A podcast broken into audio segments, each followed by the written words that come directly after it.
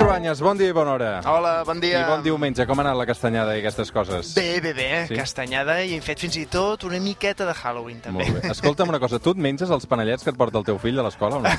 sí, sí, sí, sí, sí. Me'ls menjo i no pregunto, no pregunto què hi ha, sí, per no, si de no cas. preguntis gaire. Molt bé.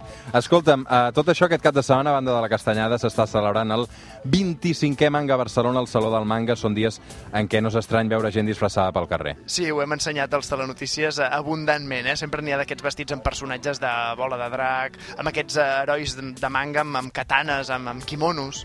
Avui parlarem d'un heroi del còmic, però no del manga. Exacte, perquè justament en aquesta setmana tan important pels còmics a Barcelona se celebren els 60 anys de l'aparició d'un personatge que tots coneixem. No ve del Japó, sinó de més a la vora, i generacions i generacions de catalans han crescut llegint les seves aventures. L'any 50 abans de Jesucrist, després d'una llarga lluita, els gals van ser vençuts pels romans. Astèrix i Obèlix, així és com comencen tots els seus llibres. Sí, així com comencen els 38 ja àlbums de l'Astèrix. De fet, aquesta setmana ja ha aparegut l'últim llibre, que es diu La filla de Vercingetorix. I diuen que és un Astèrix més feminista, aquest. Clar, home, a l'època de René Goscinny i Albert Uderzo, quan van crear el personatge d'Astèrix, les dones no apareixien més que com a personatges molt secundaris.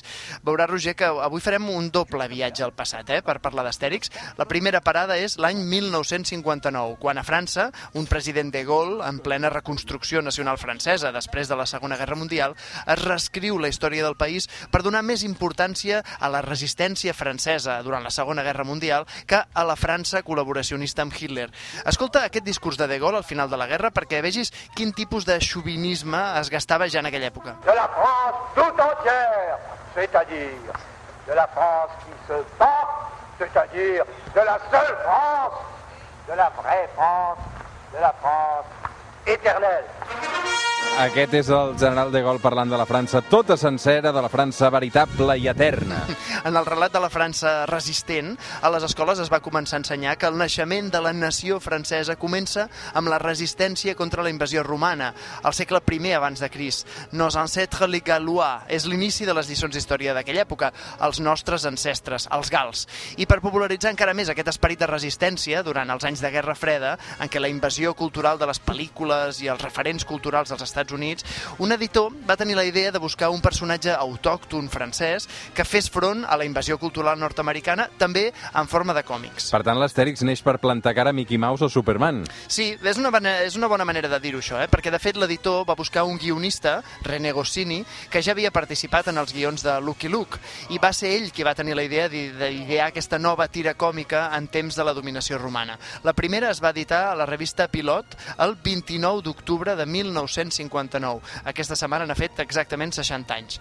L'èxit d'Astèrix va ser tan gran que fins i tot el president Charles de Gaulle va batejar els seus ministres amb els noms d'alguns personatges d'Astèrix. Ja recordeu eh, que tant Astèrix com la resta dels seus veïns, els seus noms acaben sempre en el sufix X, com Obèlix, l'inseparable amic que carrega menirs, o Idèfix, el seu gos. I, de fet, hi havia noms molt bons, també traduïts al català, com el cop de Garròtics, el cap del poblat gal, o també l'ordre alfabètics, el peixater, o les automàtics, el ferrer, i és un personatge molt important, el, té, el druida panoràmics, no? Sí, i el meu favorit era Assegurançatòrix, que és el bard del poble. Pobre, que desafina molt i sempre acaba amordassat i lluny de la resta perquè deixi de cantar i perquè no desafini més. Tots aquests noms acabats en X són, de fet, un homenatge a un personatge històric real. Sí, és Vercingetorix. És el protagonista del llibre històric de Juli Cèsar, La guerra de les Gàlies. Són les campanyes militars de Cèsar abans de ser emperador, quan, com a general, va sometre les regions que ara ocupen eh, França, Bèlgica, una part de Suïssa, fins i tot una part d'Alemanya, eh, arribava a les Gàlies romanes. Doncs Juli Cèsar va guanyar tot el territori per Roma, menys quan al cap d'una tribu situada al mig del que avui és França li va plantar cara. Era Vercingetorix, líder dels Arverns, a l'actual Alèsia. Tenia uns 20 anys i va ser l'únic gal que va saber liderar una resistència duradora contra els romans, però al final va perdre igualment perquè la tecnologia militar romana era molt superior. Mira, només pel fet de plantar cara als romans, Vercingetorix ja demostrava ser valent, no? Clar, recordem que la frase més coneguda de Cèsar era la de Beni Vidi Vici, o sigui, he arribat, he vist i he vençut. Doncs bé, amb aquesta facilitat Cèsar guanyava les batalles, però Vercingetorix, per guanyar-lo, va fer servir la tàctica de la terra cremada. Consistia en cremar les pròpies ciutats perquè els romans no poguessin viure dels productes locals. Però també era una tàctica molt dura. Alguns poblats gals, de fet, no van voler-ho fer i finalment Juli Cèsar va poder guanyar Vercingetorix i amb la seva rendició va guanyar no només la guerra, sinó també la glòria. Juli Cèsar va exhibir l'heroi gal rendit com un trofeu de guerra. Sí, va ser la prova que Cèsar era un líder capaç de guanyar-ho tot i, de fet, així va guanyar-se la corona d'emperador. En canvi, Vercingetorix va estar sis anys en una presó, Juli Cèsar el va arrossegar amb el seu carro per mitja Roma i al final va ordenar que l'estrangulessin. Però de Vercingetorix els francesos del romanticisme, al segle XIX, en van tornar a parlar, van recuperar-ne la seva memòria, se'n van pintar quadres, se'n van fer poemes, tot per exaltar el primer gran heroi francès. I al segle XX, els còmics d'Astèrix també li fan un homenatge, fins al punt que, de fet, el llibre nou, que ha sortit aquesta setmana, es diu La filla de Vercingetorix. Astèrix es modernitza amb una heroïna, una dona realment protagonista per primera vegada. És que Astèrix és molt vell, tant que els seus autors, Goscinny i Uderzo, un va morir i l'altre és molt gran, eh? té 92 anys. Ara el nou dibuixant és Didier Conrad i el guionista és Janif Ferry.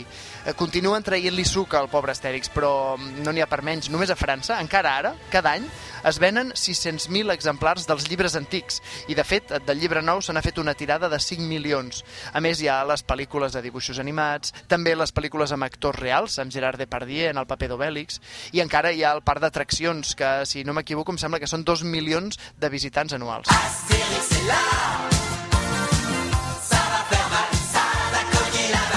Avui amb el Corones arribarem fins les 9 del matí amb aquesta cançó que va servir per introduir les pel·lícules de dibuixos animats que se n'han fet. Es diu uh, Astèrix Elà de Plàstic Bertran. Toni, que tinguis un gran diumenge. Que vagi bé, gràcies.